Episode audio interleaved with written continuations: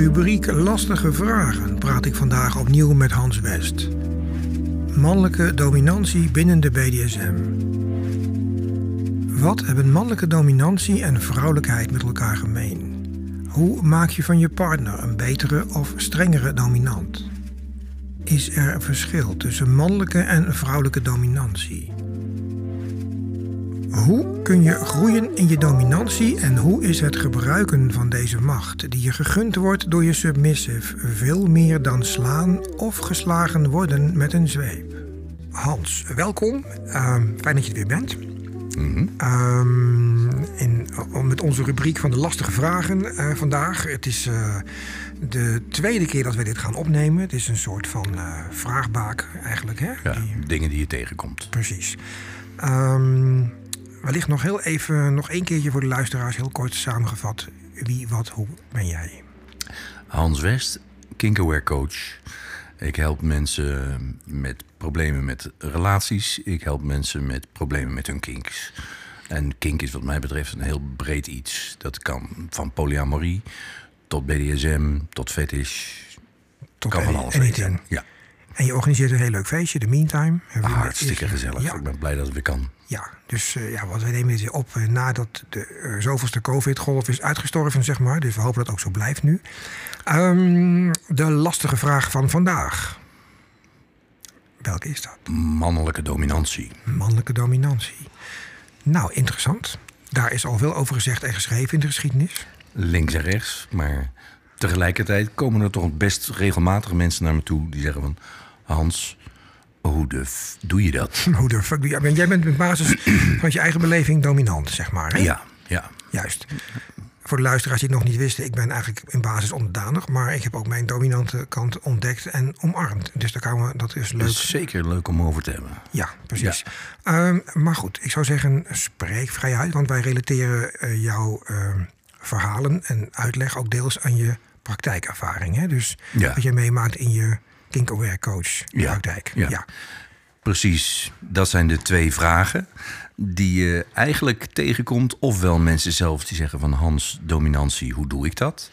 Ehm, daar heb ik natuurlijk ook een workshop voor. Eh, dominantie voor mannen, vrouwen of alles wat ertussenin zit. Maar dat juist ook mensen leren van wat kan een dominantie zijn? Hoe kun je daarover nadenken? Ja, sorry dat je onderbreekt, maar is het niet zo dat als iemand jou die vraag stelt van Hans, hoe word ik dominant, is dat niet juist de vraag van iemand die niet dominant is Die het in ieder geval niet of niet heeft ontwikkeld? niet heeft ontwikkeld en, en die er nieuw in is. Mhm. En die ja, waarschijnlijk ook eisen heeft aan zichzelf en, en verwachtingen heeft aan ja, zichzelf. dat, ja. En eh, ja, een goede kans dat, want dat is namelijk nummer twee. eh, Hans, mijn partner, ehm, ik wil een dominant. En hoe krijg ik hem dominant? precies. Dus een onderdanige vrouw Een bijvoorbeeld onderdanige zegt, vrouw of man die. wil- ja. Ja, precies. ja. En wat zeg jij dan? Ik denk dat alles te leren is. Mhm. En eh, dit is ook te leren. En dan gaan we kijken naar wat is dominantie. En dat is juist vaak dat je gaat kijken van ik ga zijn wat ik ben. En dat klinkt altijd een beetje. eh, eh, ja, je Nou moet ja. gewoon jezelf zijn. Dat is voor een stuk zo. Ik vind altijd dat je moet een betere versie van jezelf zijn. Mhm. Eh, want daar zit de dominantie. Wel jezelf zijn. Want als ik allemaal plaatjes ga lopen volgen. Ja, dan loop je in één keer loop je tegen problemen aan. Ja, dat ken ik ook van, van mezelf van vroeger. Dat ik dacht van, oh, een dominant en, een, eh, ja, en dan moet ik het allemaal weten. En eh, dan moet ik het allemaal kunnen. Dus ik kan niet vragen, want dat is niet dominant. Nee, precies. Ja, dat. Ja. Ja. En wat ik nu mensen juist leer, is van zorg dat je dominant vraagt. Want je kunt ook dominant vragen. Eh, Ja, dan kan ik niet twijfelen. tuurlijk wel. Nou, ga dominant twijfelen. en hoe, dat doe, hoe doe je dat bijvoorbeeld? Dus jij, men twijfelt over iets van, ja, zal ik een lange of een korte zweep gebruiken? Of hoe, hoe, eh, vindt die sub dat leuk? Hoe, hoe zou je dat dan doen? Op het moment dat ik. eh, Nou, dan doe ik even een stapje terug. Wat Ja, ik vaak in de workshop tegenover bekijk, is wat is nou het, het meest het tegenovergestelde van dominantie? Als je iets onderzoekt, is het soms handig om het tegenovergestelde even te onderzoeken. En wat, eh, waar ik dan altijd op uitkom, is neediness. Op het moment dat ik het goed moet doen en, eh, het is, is, is dit goed voor je, schatje? Ja, dan ben ik gewoon helemaal mijn dominantie kwijt. Precies. Op het moment dat ik gewoon wil weten of jij meer van stingy of van thuddy pijn houdt, dan kan ik je gewoon vragen. Ja, en wat zijn het ook stinging betekent stekende pijn en die andere Stekend, scherpe pijn en de thuddy, meer de doffe klappen. Juist, ja. En, en eh, op het moment dat, ja, dat, dat ik dan weet dat jij meer van stingy pijn houdt, dan kan ik misschien juist doffe klappen geven, omdat ik helemaal niet wil dat je geniet. Nee, dat is dan weer leuk, ja. Hè? Maar het punt is dat ik, als ik het ga vragen van, doe ik het goed? Is, eh, is dit het? Dan ben ik mijn hele dominantie in één keer kwijt. Ja, want ik denk dat een heel groot misverstand is dat dominantie altijd maar is dat je dat bijna eh, zowel geestelijk als lichamelijk gewelddadig afdwingt. Hè? Dat is denk ik eh, Ja, dus ik een denk- misvatting. Ik denk juist dat mensen het je gunnen. Ja, dat. Op het moment dat je het duidelijk neerzet en dat, dat jij dit wil, ehm, dan gaan mensen het je gunnen. En dat betekent dat een sub zich aan jou geeft, zodat jij je kunt uiten. Ja, eh, dat is, dat is het cadeau van de sub wat jou geeft en jij geeft jouw dominantie. Ja. Als cadeau aan die sub die dat wil beleven. Je krijgt het initiatief, dat is wel vaak een ding van de dominantie. Er is nog wat op af te dingen, maar Ja, veel, veel van het initiatief lijkt bij de dominant te liggen in ieder geval. Mhm. Ehm, maar het is een cadeau wat je elkaar geeft. Ja. En wat vind jij van dan het, eh, het verschil in dominantie tussen mannen en vrouwen? Zie je dat, eh, is dat een ander soort dominantie? Want dat vind ik wel interessant. Of, Ik, ja, ik denk je hebt dominantie en je hebt mannelijkheid en vrouwelijkheid. En die kun je los van elkaar zien of niet. Ehm, je hebt ook onderdanigheid en mannelijkheid en vrouwelijkheid. Eh, je- Datzelfde geldt dus denk ik ook voor dominantie. Dat je er als domina anders mee omgaat. Dat je houding wat anders zal zijn. Dat je misschien meer vanuit vrouwelijkheid dingen zult doen. Eh, ja, helder. Ehm, aan de andere kant, je kan. Ik heb een aantal mannen die gewoon vanuit vrouwelijke dominantie domina waren. Maar ze waren wel man. en hoe gaat dat dan precies? Want dat probeer ik me even voor te stellen. Zijn ze dan verkleed als vrouw of is het meer? Verkleed als vrouw, of in ieder geval in hun, hun bewegingen. Ja, ja. ook vrouwelijker geworden. En, en daar ook een beetje op oefenen. Hè, ik bedoel, al- als man is toch vaak wat eh, knieën uit elkaar en breed. Precies. Terwijl op het moment dat je je knieën bij elkaar houdt en meer speelt vanuit je middenrif, eh, vanuit, je, vanuit je bekken, ja, dat is een ander verhaal. Het Ja. ziet er anders uit. Oké. Dat is even de inleiding. Ik was gewoon even benieuwd hoor. Nee, Maar, leuk, leuk toch? Ehm, maar de, de mannelijke dominantie dus. eh, ik, ik denk dat in general nogmaals de misvatting is dat... ehm, in mijn ogen zijn de meest... ehm, hoe zal ik het goed uitleggen? Eh, dominante mannen en vrouwen zijn degene die over het algemeen heel stil zijn. En die eigenlijk domineren met oogopslag of met weinig tekst. Eh, wat vind jij daarvan? Nou, het is wel een stijl. En, en wat ik altijd zeg is, het is ook zoeken naar je eigen stijl. Je kan natuurlijk de legersergeant zijn. Dat je kick is. ja. Eh, en dan is het juist brullen en schreeuwen. Maar over het algemeen in, is dominantie is vaak wel dat je niet al te veel hoeft te zeggen. En eh, wat dat betreft is er ook veel te leren van eh, de films The Godfather. Die Ja. eigenlijk niet zoveel zegt, maar gewoon zo is het. En daar zit heel veel dominantieles. Ja. Ja. En, Ken, je, ken jij die films van Lars von Trier? Ehm, die heeft een Nymphomaniac gemaakt. Dat is een film die gaat over een eh, heel kort samengevat jonge vrouw... die gaat op zoek naar allerlei vormen van seksualiteit. Mhm. Er komt ook dominantie en onderdanigheid. De acteurs die erin spelen hebben allemaal ook echt seks met elkaar. Dat zie je ook. Mhm. De man staat bekend om zijn, laten we zeggen, uitzonderlijke artfilms. Hij maakt hele eh, bijzondere films, daar moet je ook van houden. Maar dit Ja. is een hele bijzondere film. Twee films zijn het. Nymphomaniac. Eh, zeker de moeite waard voor iemand die ehm, een verfrissende kijk op seksualiteit ook wil. En de, de openheid en het gemak en vooral de achterliggende psyche en gevoelens van de zowel onderdanige als dominante man, vrouw, eh, Mhm. Worden daar op alle andere manieren belicht. Het is een hele interessante film. Ik vond het wel Er staat bij dat ik hem 100 jaar geleden gezien heb, maar ik heb hem niet hij is gescherpt. 99 jaar oud, dus dat klopt wel dan. Ja. Nee, het is een relatief re- recente film. Ik denk nog geen 10 jaar oud of 8 jaar of zo. Oh, dan heb ik hem niet gezien. Nee? De, nee. Nou, anyway, Lars von Trier, Nymphomaniac Ja. voor de liefhebbers. Was weer een onderbreking voor jou. Sorry daarvoor. ehm, de mannelijke dominantie. Maar wat wil je met die film zeggen? Nou, dat, daar, eh, dat was aanhakend op jouw verhaal... dat daar in die film ook op een hele open... ehm, en zichzelf vragen stellende manier eh, wordt gekeken naar allerlei vormen van seksuele voorkeuren of wat erachter zit. Ja. En hoe dat dan moet zijn voor mensen. Eh, en dat was eigenlijk voor mij meer een opmaat naar eh, eh, die mannelijke dominantie en de vrouwelijke, maar het over de mannelijke. Die, die zich natuurlijk op verschillende manieren ook. Ja. En dat heeft ook te maken met levenservaring en met per- perceptie van dingen. Dus mijn vraag is eigenlijk, want dat is een lekkere lange inleiding weer, maar ehm, is er een universele mannelijke dominantie? Kun je dat zo zeggen? Ehm, ik denk wel dat er een universele mannelijke dominantie is, ja. Ehm, laten we zeggen, Bokito, die hebben we niet in een vrouwelijke vorm. Nee, precies. En, en juist dat jezelf breed maken en jezelf breed durven maken, dat is een, een vorm van mannelijke dominantie. Jezelf durven neerzetten als dit is wat ik wil.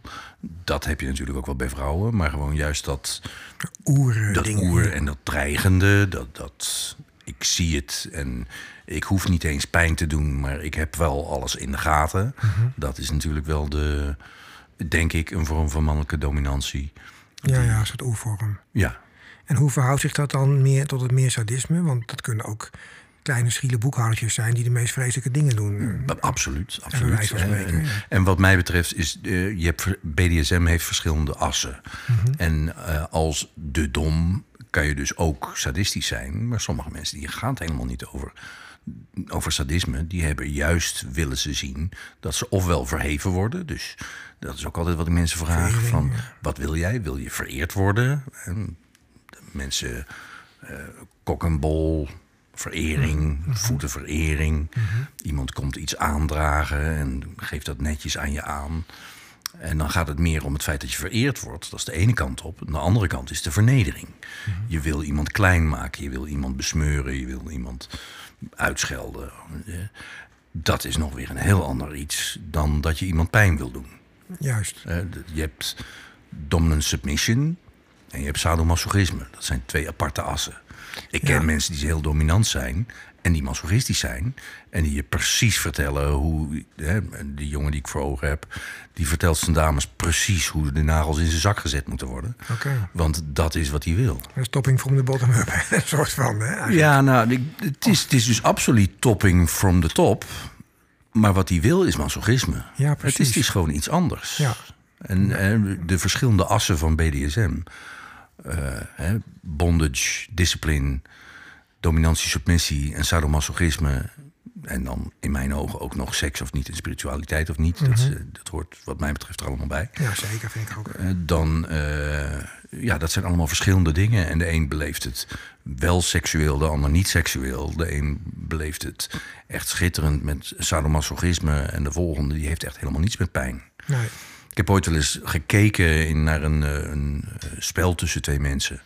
En eh, dat was heel duidelijk. Ik, ik ken die zweep, ken ik. En die, die geeft hele harde klappen. Maar die kan je echt heel hard mee uithalen. En je voelt hem niet. En eh, hij sloeg. En die vrouw. "Ah, ah." En, je zag een heel spel. En ik, ik wist, dit doet geen pijn. Die vrouw deed maar wat. Ja. En nou ja, in eerste instantie dacht ik dat dus ook. Ik dacht van, die doet maar wat. Maar toen besefte ik van nee, ze zijn helemaal in dat spel bezig. Ze genieten er alle twee enorm van. Die jurk die die zo woest heeft opengerust, rukt, die zat vast met velcro, dus die was erop gemaakt. het, het was een spel en ze genoten er enorm van. En waarom moet het dan pijn gaan doen als dat niet je ding is? Nee, precies. precies. BDSM is een vorm van spelen van mensen, denk ik. Eh, en spel heeft grenzen en binnen die grenzen kan je van alles doen. Nou, dat is natuurlijk ook waar als je niets met pijn hebt, slaan met een zweep die geen pijn doet, wel een oplossing is. Ja. ja, dat is heel interessant. Dus dat betekent ehm, dat inderdaad die dominantie zich op verschillende manieren dus kan uiten. Hè, vanuit mannen gezien ook. Ja. Ehm, wat zou jij, zou jij, heb je een aantal wezenlijke punten dat je zegt, nou dat is echt specifiek, echt de mannelijke dominantie ten opzichte van het vrouwelijke, waar we het net een beetje over hadden, maar eh, want ik vind vrouwen over het algemeen misschien wat valser in hun dominantie. Zou je dat kunnen zeggen of niet? Vrouwelijkheid wat. Nou ja, je, je wordt als man in je, in je opvoeding natuurlijk wel geleerd om directer te zijn. Dus als vrouw word je gedwongen valser te zijn. Juist. Nou, dames is weer een, goede, goed, goed pratertje om vals te kunnen doen, maar... En, en, al, en dat is ook waarom mannen niet zo goed zijn in vals nee. Hè, waarom vals soms, soms bij, bij gays zie je. Oh, wat een schitterende jurk. Waren dat niet gordijnen laatst? Dat, is, dat is een opmerking, die, de valse nicht... die Ja. Mhm. gewoon schitterend is. Maar inderdaad, die heeft geleerd dat hij naast mannelijkheid... dat hij andere mogelijkheden heeft. Ja. Terwijl de gemiddelde heteroman niet veel meer kan zeggen als... eh, oh, eh, Nou, leuk, ja. Ja, precies, ja. dat. En, en juist dat je gewoon dan wel gaat spelen vanuit dominantie. Dus dat je gaat zijn van wat wil ik? Wat voor vorm van dominantie past bij mij? Dat is denk ik een keuze waar je inderdaad over na moet gaan denken. Op het moment dat jij gewoon die zwijgende dominant moet zijn die nooit iets vraagt, ja, dan snij je jezelf enorm in je vingers. Ja. Op het moment dat jij gewoon dingen mag vragen en je mag dingen weten en je kunt doen wat jij wil, nou, daar, daar geef je jezelf een hoop vrijheid mee. Ja. Ik heb ooit een keer heb ik meegemaakt dat ik in een eh, kring zat. En eh, de subbies zaten op de grond en die zaten gezellig met elkaar te kletsen. En daaromheen zaten, dat was pre-covid, de mannen, dominante Dat mag nu weer, hè? Na COVID. Ja, weer, ja. maar dat, dat, waarom ik het zeg is, we zaten echt op anderhalve meter afstand Ja, allemaal. Dus ja. gewoon die dominanten, Oh, die zaten daar een beetje eh, dominant te zijn op een stoel. Maar ja, je kon er eigenlijk niks. Dus ik ging op de grond zitten bij de dames eh, om mee te praten met de dingen die ik leuk vond. Mhm. Want dat vond ik. En ik denk, en daar, dat kreeg ik ook terug, dat ik daarmee een stuk dominanter was dan een hele hoop mannen die het gevoel hadden van ik moet hier op mijn stoel groot blijven zitten zijn. Precies dat, ja. Terwijl het wel een ding kan zijn, en dat stop ik ook in zo'n cursus, dat je kan nadenken over hoog-laag. Het feit dat jij jezelf groter maakt of dat je iemand een positie onder jou geeft, dat kan wel een rol spelen in het pakken van je dominantie. Ja. Dus als je die nog niet hebt, je bent er niet zeker in, dan kan je dat wel gebruik van maken. Ja, want het is natuurlijk ook zo dat je mag misschien dan dominant zijn, maar het ontwikkelen daarvan, dus hoe pas je dat toe in een sessie of gewoon in je leven, Ja. en dat is toch wel een heel traject ook, denk ik. Hè? Oh, absoluut. Ik, ik, ik zal me de eerste keer dat ik dominant was, ik zal me dat nooit vergeten. We hadden helemaal voorbespreken. Ja, vertel. Hans vertelt uit. uit de oude doos. Nee, ik, ik, kwam, ik kwam, we hadden alles helemaal voorbesproken. En ik had eh, zelf een halsband gemaakt. Want ik had geen geld. Ik was student, had ik echt geen sou. Eh, ik had zelf een hand, halsband gemaakt en, en ah, nou, ah, voorbereid. Eh, we hadden besproken wat ik mocht doen en wat ik kon doen. En wat zij wilde, wat haar wensen waren. Gewoon nog gelijkwaardigheid. We gaan met elkaar matchen. En toen was het moment dat we maar eens moesten beginnen. En ik herinner me nog goed dat ik een beetje piepte. Nou, dan moeten we maar eens beginnen. en haar woorden waren: Wat zeg je? en ik herinner me nog zo goed dat ik dacht van... Oh, laten we het over iets anders hebben. En dat ik toen over mijn schaduw sprong. En dat ik, eh, nou, wat ik vaak zeg, de, de awkwardness om, omarmde. En dat ik zei, ik zei, laten we maar eens beginnen. Precies, heel goed. En op dat moment ging ik bepalen wat er gebeurde. En eh, is het verder een prachtige eerste sessie in mijn leven geworden. Ja. Ja. En nou ga ik even terug naar het begin van deze podcast. Toen zei je dus van nou, soms komt er een man bij mij en die wil dominant worden of zijn. En die vraagt aan jou, wat moet ik doen? Ja. Eh, heb jij dan een stappenplan? Hoe werkt dat? Dus die man komt bij jou en die vraagt dat. Het stappenplan is dat ik überhaupt eerst uitleg. BDSM heeft verschillende assen. En vind jij het leuk als iemand vaststaat? Of vind je het leuk als je iemand losstaat? Vind je het leuk, de bondage kant, vind je de fetish kant leuk? Ehm, wat is het voor jou discipline meer een zaak? Of is dominantie-submissie meer een zaak? Is sadomasochisme, wil jij sadist zijn? Eh, om die dingen Ja, los te weken van elkaar.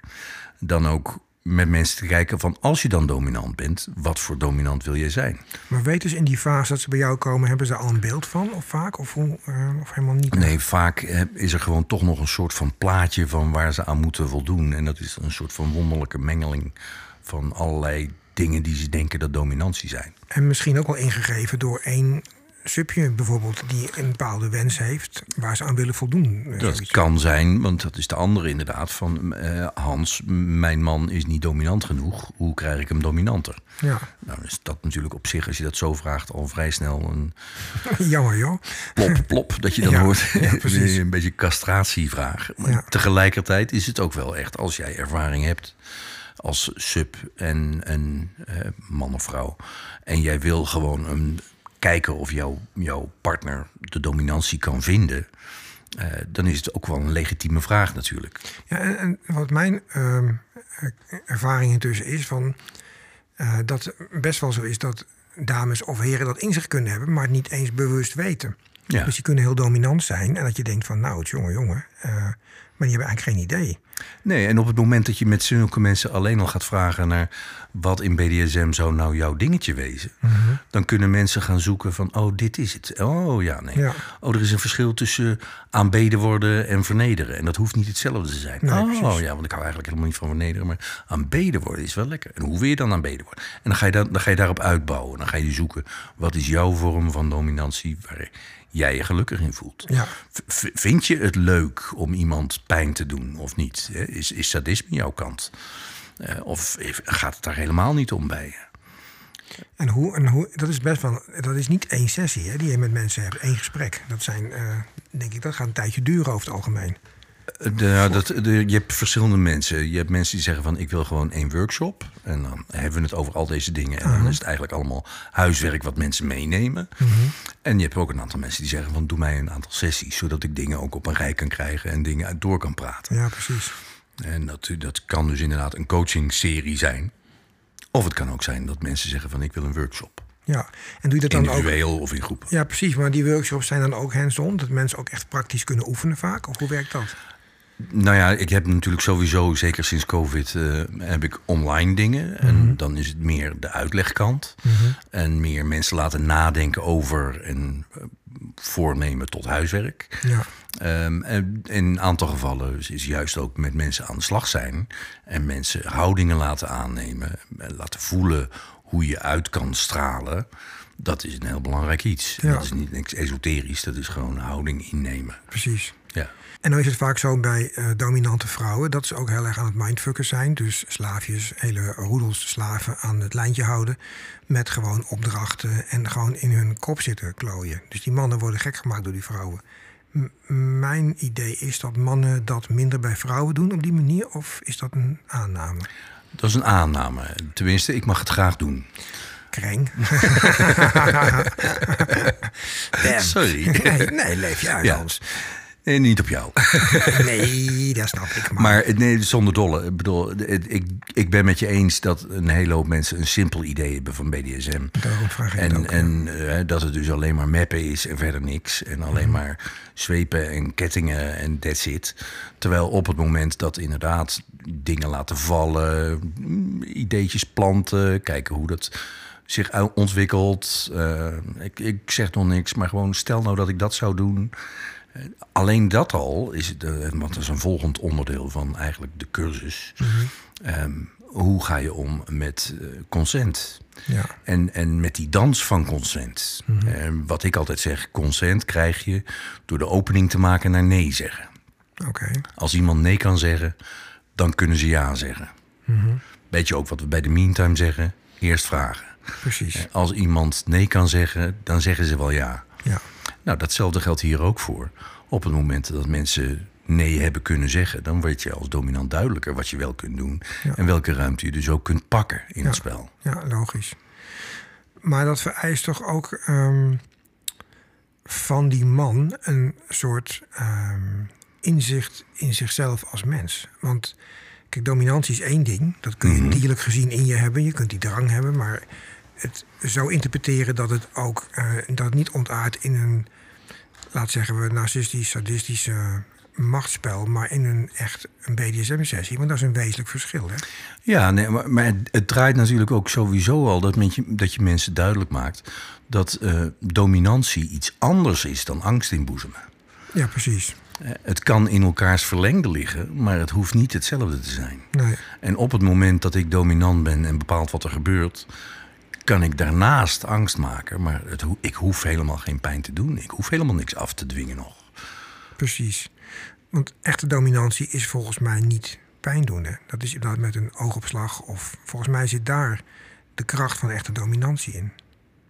Dus gewoon door, door een aanraking, een blik, eh, een manier van Ja. vastpakken. Of juist niet vastpakken. Maar begrijp je dat? hoef je jou niet uit te leggen. Maar dat is Ja, toch- nee, de- de- en de- dat is dan ook weer iets. Hè, van wat als dominant is alles van jou.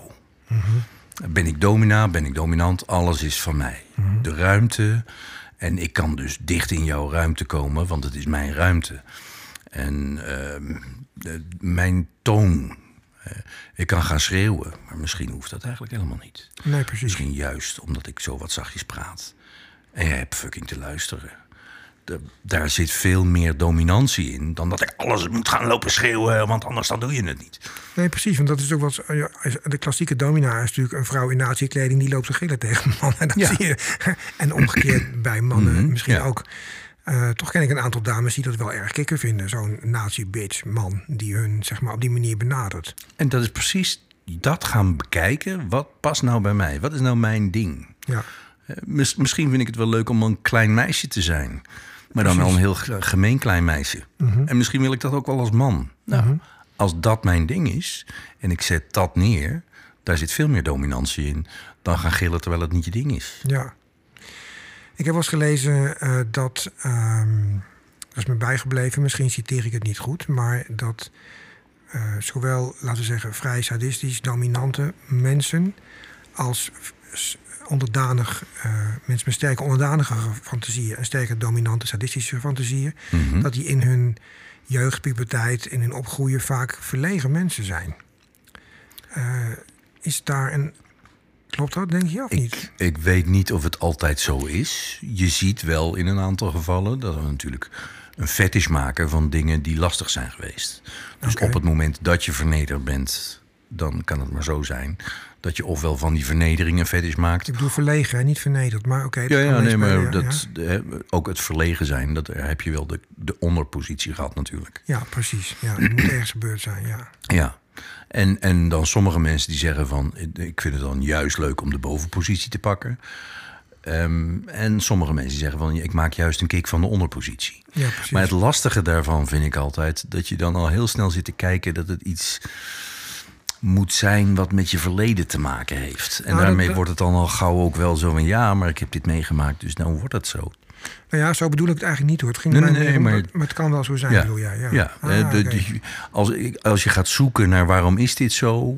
dan zeg je daarmee eigenlijk van het had niet zo mo- moeten zijn. Als Nee, je niet uitkijkt. Precies, maar dat is niet wat ik bedoel. Ik snap dat je het niet bedoelt. Maar Nee. ik wil het wel even noemen... omdat mensen regelmatig op die manier op zoek zijn. Ah, oké. oké. Ja. Maar ehm, wat mijn eigenlijk insteek was, is van als je uit je verlegenheid dan wel je onderdanigheid, dan wel je dominantie moet ontwikkelen, niks moet, maar gaat ontwikkelen, Mhm. dan kan dat ook remmend werken. Zo dacht ik het eigenlijk meer. Omdat je natuurlijk iets over moet overwinnen in jezelf, dat proces. Ja, maar de, eh, dominantie is natuurlijk verlegenheid over, on- over, eh, overkomen. Vertel. Hè, ehm, op het moment dat ik verlegen ben en dus niet zeg wat mij bezighoudt, maar het inslik, dan Ja. ben ik in één keer niet dominant meer. Dat kan wel heel sterk in je zitten. En het kan heel sterk in je zitten. Ja, absoluut. Ja. Eh, en, en dan kan het soms juist ook bijna een katapult zijn, waarmee het er dan extra uit, hard uitkomt. Zo'n heel verlegen jongetje, wat gewoon wel ontzettend sadistisch wordt. Ja, precies. Dat, hè, dat, kan, dat kan een effect zijn. Ja.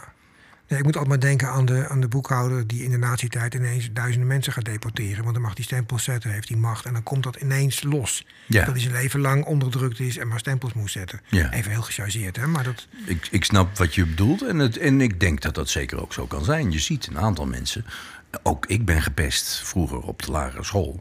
Ja, je kan zeggen van daar komt het vandaan. Je kan ook zeggen van het is een onderdeel van mij en heel veel mensen zijn gepest. En die zijn echt niet allemaal dominant geworden en ook niet allemaal onderdanig. nee, nee, precies. Dus het is net zo hoe je dat zich uit. Ja. Nee, dus het is eigenlijk, er zijn heel veel factoren van toepassing, dat Ja. zeg je eigenlijk. Ja.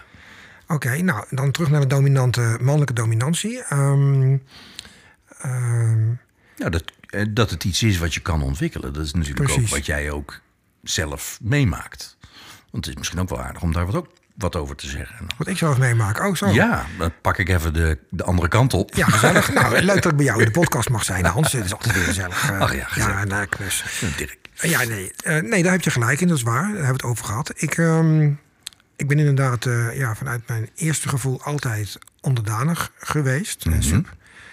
Ehm, maar gaande mijn leven heb ik toch eh, heel vaak ontdekt dat ik ook een andere kant heb. En die is eigenlijk steeds meer uitgekomen, eh, meer, er meer uitgekomen nu. Mhm. Hoe heb jij die ontwikkeld? Ehm,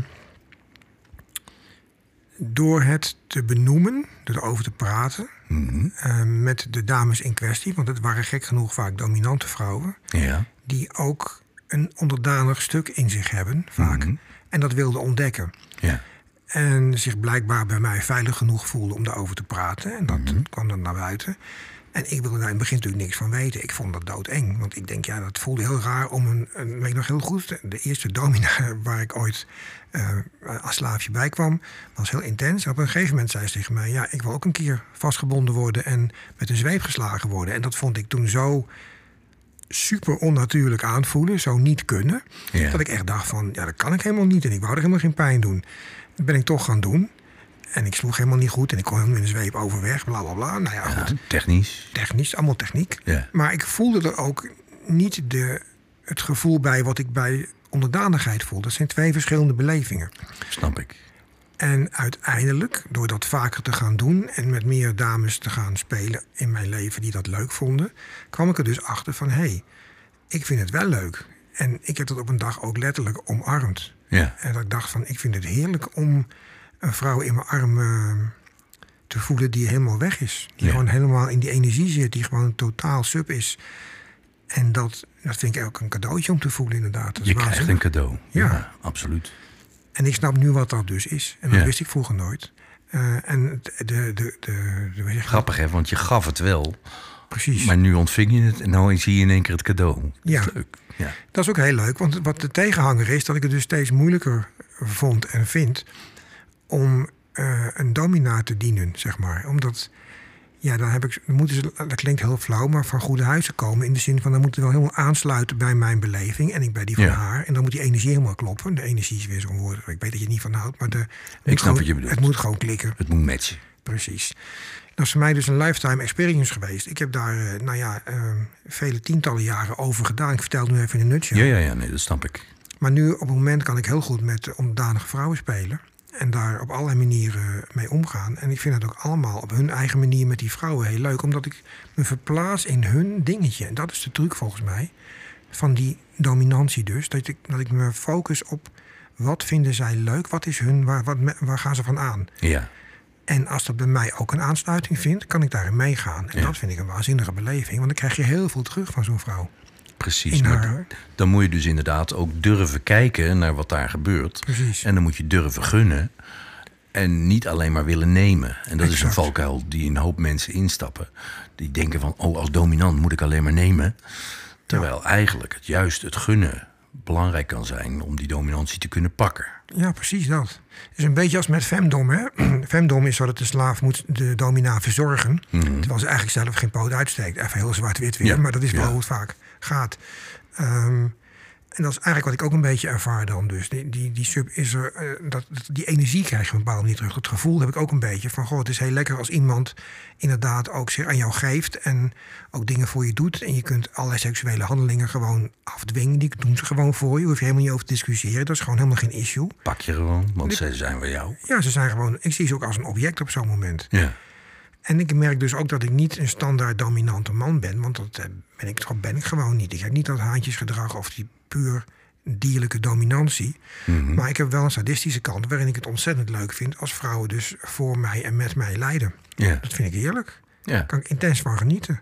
En dat te durven zeggen en dat te durven voelen. Omdat de maatschappij je altijd veroordeelt omdat je die gevoelens hebt. ja. Dat vind ik een verrijking.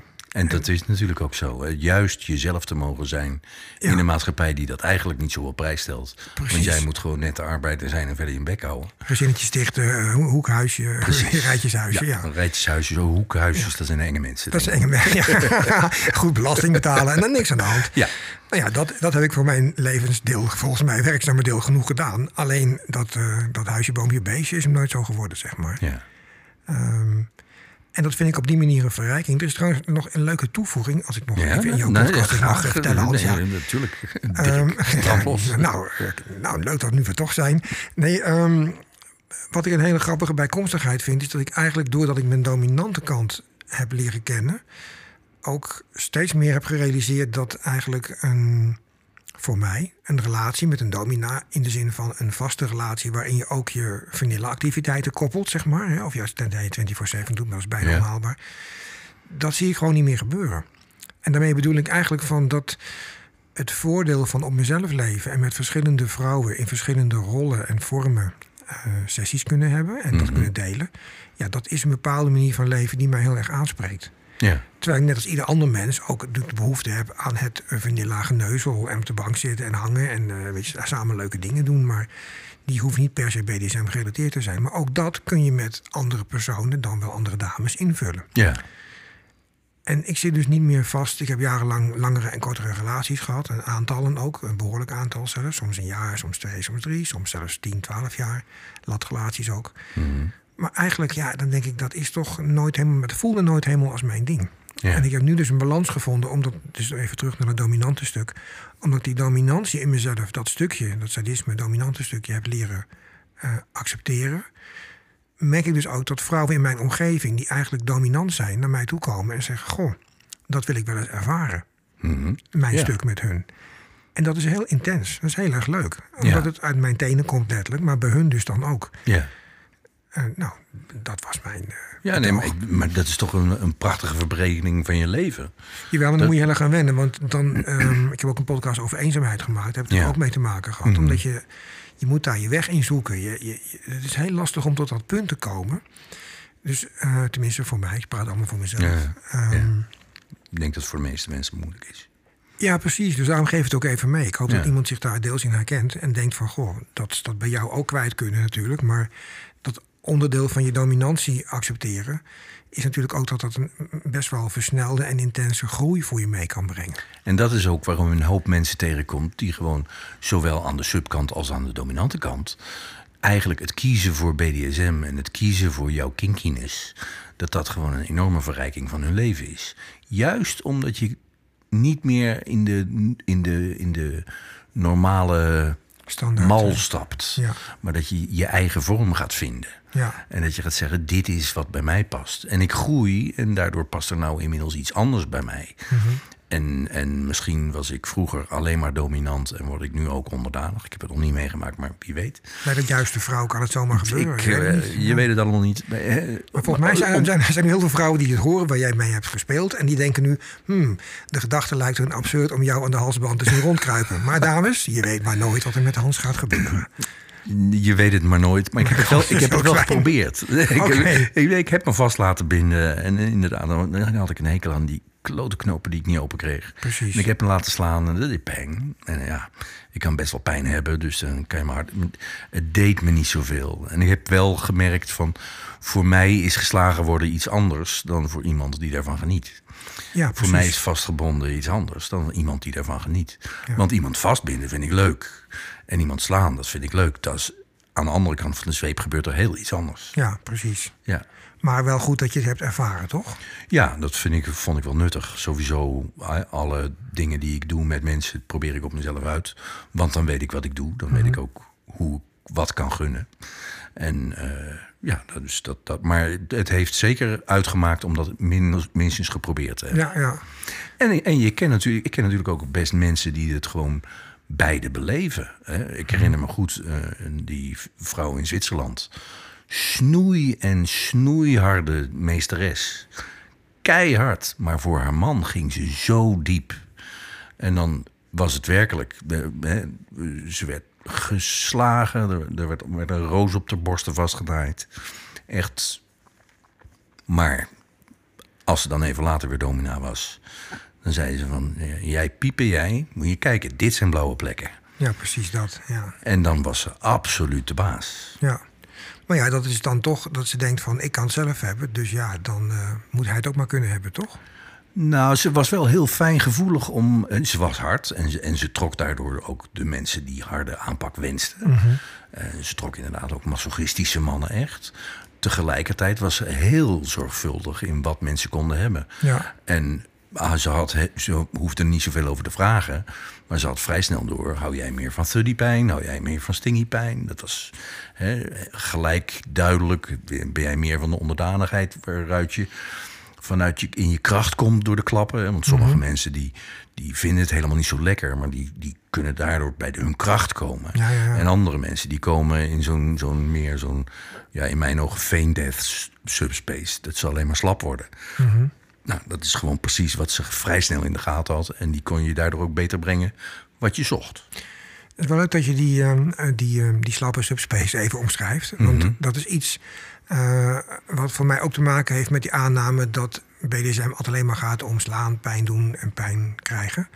Ehm, die, laten we zeggen, die meer passieve state of mind in, in dat sub zijn, die ken ik zelf ook.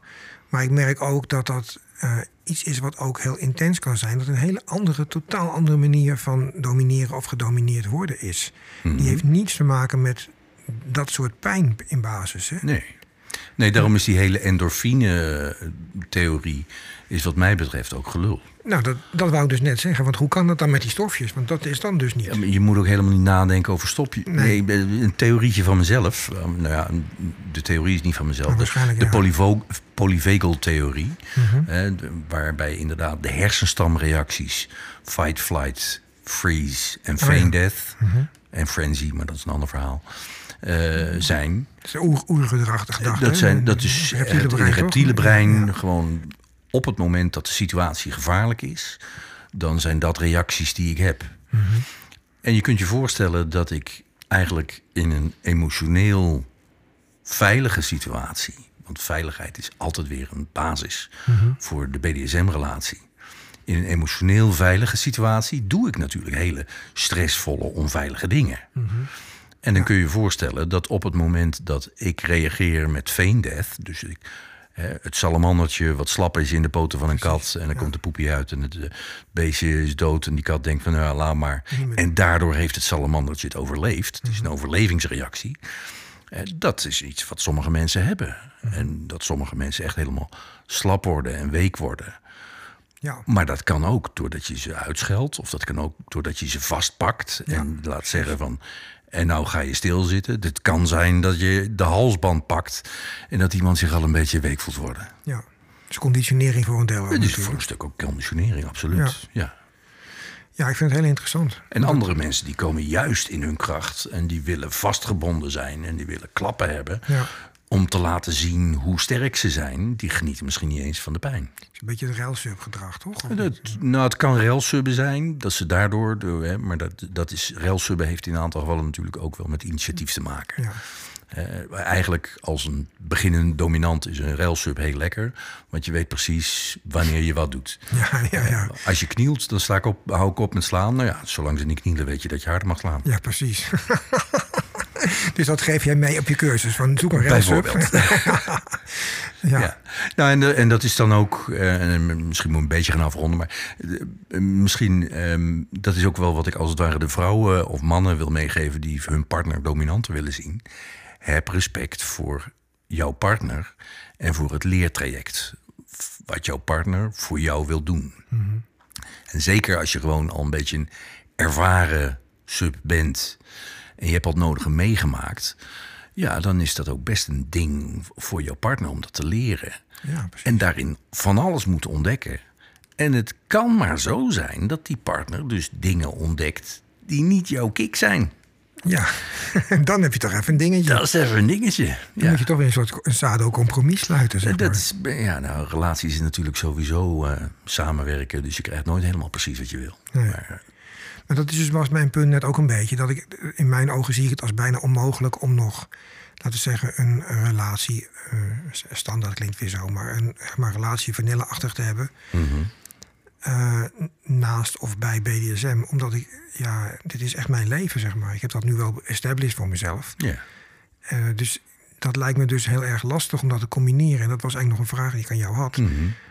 Hoe, de, de meeste mensen hebben daar volgens mij best moeite mee. We hebben het er al eerder keer over gehad. Maar dat iemand in een vanilla relatie heeft een behoefte. Die partner heeft dat niet. Mhm. En dat is bijna niet te rijmen dan. Dus dan ga je dat vanzelf wel bij iemand zoeken uiteindelijk. Die dat wel met je deelt. Of die partner gaat daarin mee. Of je gaat rouwen en dat stuk loslaten als het klein genoeg is. Want anders moet je niet eens proberen. Of je, je zegt inderdaad van ik heb toch echt een partner naast jou nodig. Ja. En dat moet je dan wel verkopen aan die partner. En dan moet die partner het ook. Dat moet die partner zien zitten. En die moet dat ook kunnen. Hè? Bedoel, Ja, om, om, ja. om, om jouw partner, als jij van de lieve, aardige seks bent en van de samen op de bank. en jouw partner komt terug onder de blauwe plekken. Ja. Dat is niet makkelijk. Dat Nee, is dat- echt een cadeautje wat je je partner geeft als hij dat, weet ik veel, twee keer per maand mag doen. En help je daar mensen mee ook? Heb je dat Ja, zo? ja. Juist om daar ook respect voor te leren geven. Hè? Want Ja. je kunt in je behoefte om geslagen te worden, kun je echt gewoon zeggen: ja, maar dat moet ze maar goed vinden. Want, eh, hè, maar, Nee, dat eh, he- niet. heb je even door wat ze meemaakt, Ja. of wat hij meemaakt als hij jou zo terugkrijgt. Ja. Wat hij daarvoor moet geven aan jou. Wat hij daarvoor moet geven aan jou. En de Eh, jaloezie die er misschien bij komt. daar hebben we het nog niet eens daarover gehad. Ik wou er net over beginnen. Maar op het moment dat jouw man of vrouw terugkomt van een ander... die zulke duidelijke sporen heeft nagelaten... Invasive. dat is invasive in een relatie. Ja. En daar, als iemand dat toestaat... dan krijg je echt een cadeau. Ja.